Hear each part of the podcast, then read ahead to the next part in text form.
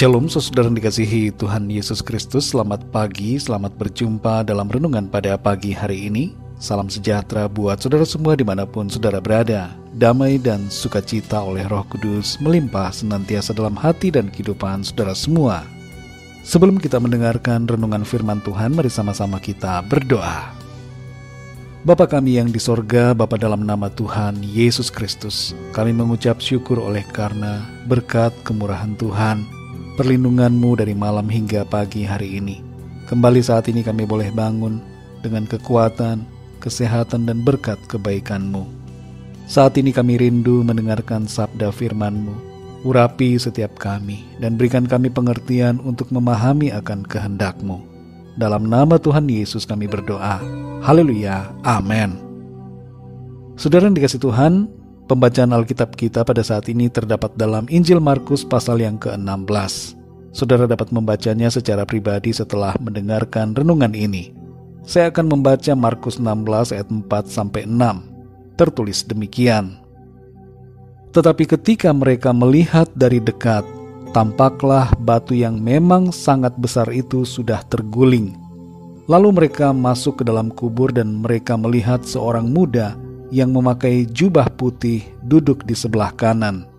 Mereka pun sangat terkejut, tetapi orang muda itu berkata kepada mereka, "Jangan takut, kamu mencari Yesus orang Nazaret yang disalibkan itu. Ia telah bangkit, ia tidak ada di sini. Lihat, inilah tempat mereka membaringkan dia."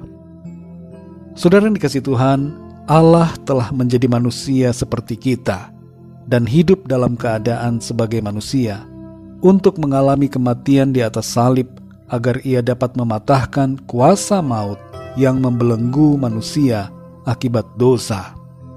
Karena kebangkitannya itu kita memiliki harapan dan jaminan yang pasti bahwa kita juga yang percaya kepadanya akan mengalami kebangkitan dan kehidupan setelah kematian.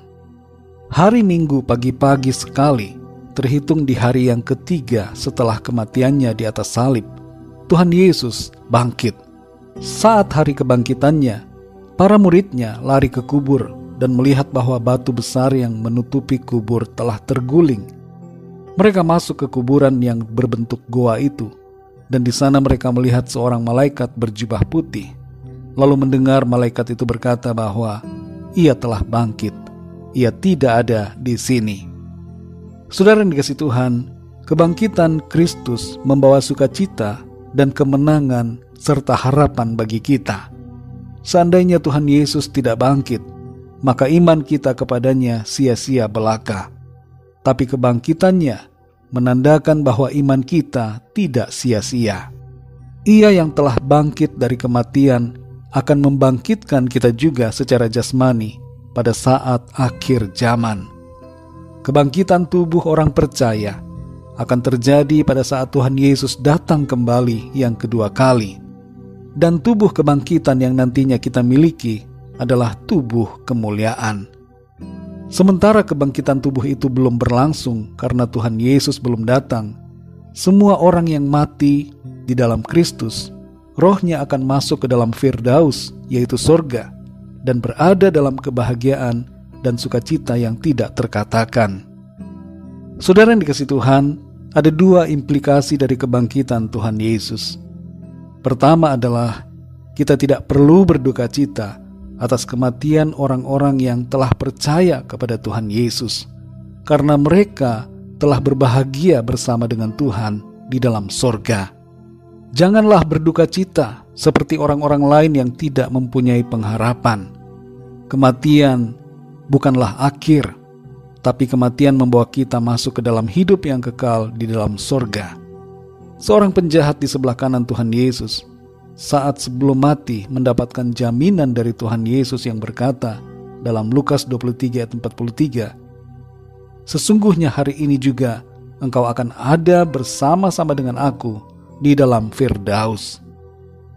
Yang kedua, saudara, kita tidak perlu takut akan kematian karena kematian membawa kita kepada kehidupan yang kekal bersama dengan Tuhan, dan kita akan mengalami kebangkitan tubuh di akhir zaman. Dalam Filipi 1 ayat 21 tertulis, Karena bagiku hidup adalah Kristus dan mati adalah keuntungan. Saudara yang dikasih Tuhan, bersukacitalah karena Tuhan Yesus telah bangkit. Salah satu hal terbesar yang telah dikerjakan Tuhan bagi kita adalah kemenangannya atas maut. Ia telah menebus kita, menyelamatkan kita, dan memberikan kita jaminan kehidupan yang kekal. Dalam Yohanes 11 ayat 25, Tuhan Yesus berkata, Akulah kebangkitan dan hidup. Barang siapa percaya kepadaku, ia akan hidup walaupun ia sudah mati. Saudara yang dikasih Tuhan, bagi saudara yang belum percaya kepada Tuhan Yesus, yang mendengarkan renungan hari ini, mari buka hati saudara. Percayalah kepadanya, agar saudara menerima anugerah keselamatan dan kehidupan yang kekal dari Tuhan. Mari jangan tunda saudara. Saat ini percayalah, ikutilah doa saya. Tuhan Yesus, aku percaya Engkau adalah Tuhan dan Juru Selamat yang telah datang sebagai manusia untuk menebus aku dari dosa dan penghukuman. Kematian dan kebangkitanmu memberikan aku keselamatan dan kehidupan yang kekal. Ampunilah dosaku dan pimpinlah hidupku mulai sekarang ini. Terima kasih Tuhan Yesus. Amin. Bagi saudara yang baru saja berdoa dan mengaku percaya kepada Tuhan Yesus, teruslah belajar firman Tuhan, bacalah Alkitab, berilah diri saudara dibaptis, dan setialah dalam iman sampai akhir. Bagi saudara semua pendengar renungan hari ini, mari sama-sama kita berdoa.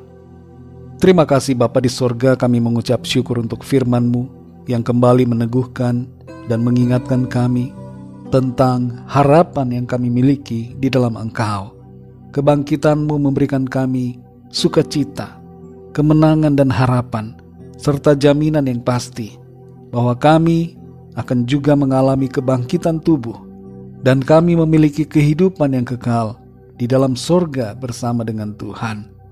Terima kasih untuk kebenaran firman-Mu. Ajar kami Tuhan untuk tidak berduka cita seperti orang-orang yang tidak mempunyai pengharapan. Kematian di dalam Engkau adalah sebuah keuntungan karena membawa kami ke dalam sorga, kehidupan yang kekal bersama Tuhan. Terima kasih ya Tuhan, teruslah berbicara kepada kami ya Roh Kudus, dan tuntun kami dalam jalan-jalan kebenaran-Mu. Berkati kami di sepanjang hari ini, dalam segala tugas dan aktivitas kami. Biarlah semua yang kami lakukan menyenangkan hati Tuhan, kami berdoa bagi yang sakit dan dalam pergumulan persoalan, agar Tuhan menyembuhkan dan memberikan jalan keluar. Mujizatmu Tuhan nyatakan.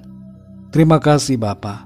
Dalam nama Tuhan Yesus Kristus, Tuhan dan Juru Selamat kami, kami sudah berdoa dan mengucap syukur. Haleluya. Amin. Tuhan Yesus memberkati saudara semua. Sampai jumpa dalam renungan yang berikutnya. Haleluya.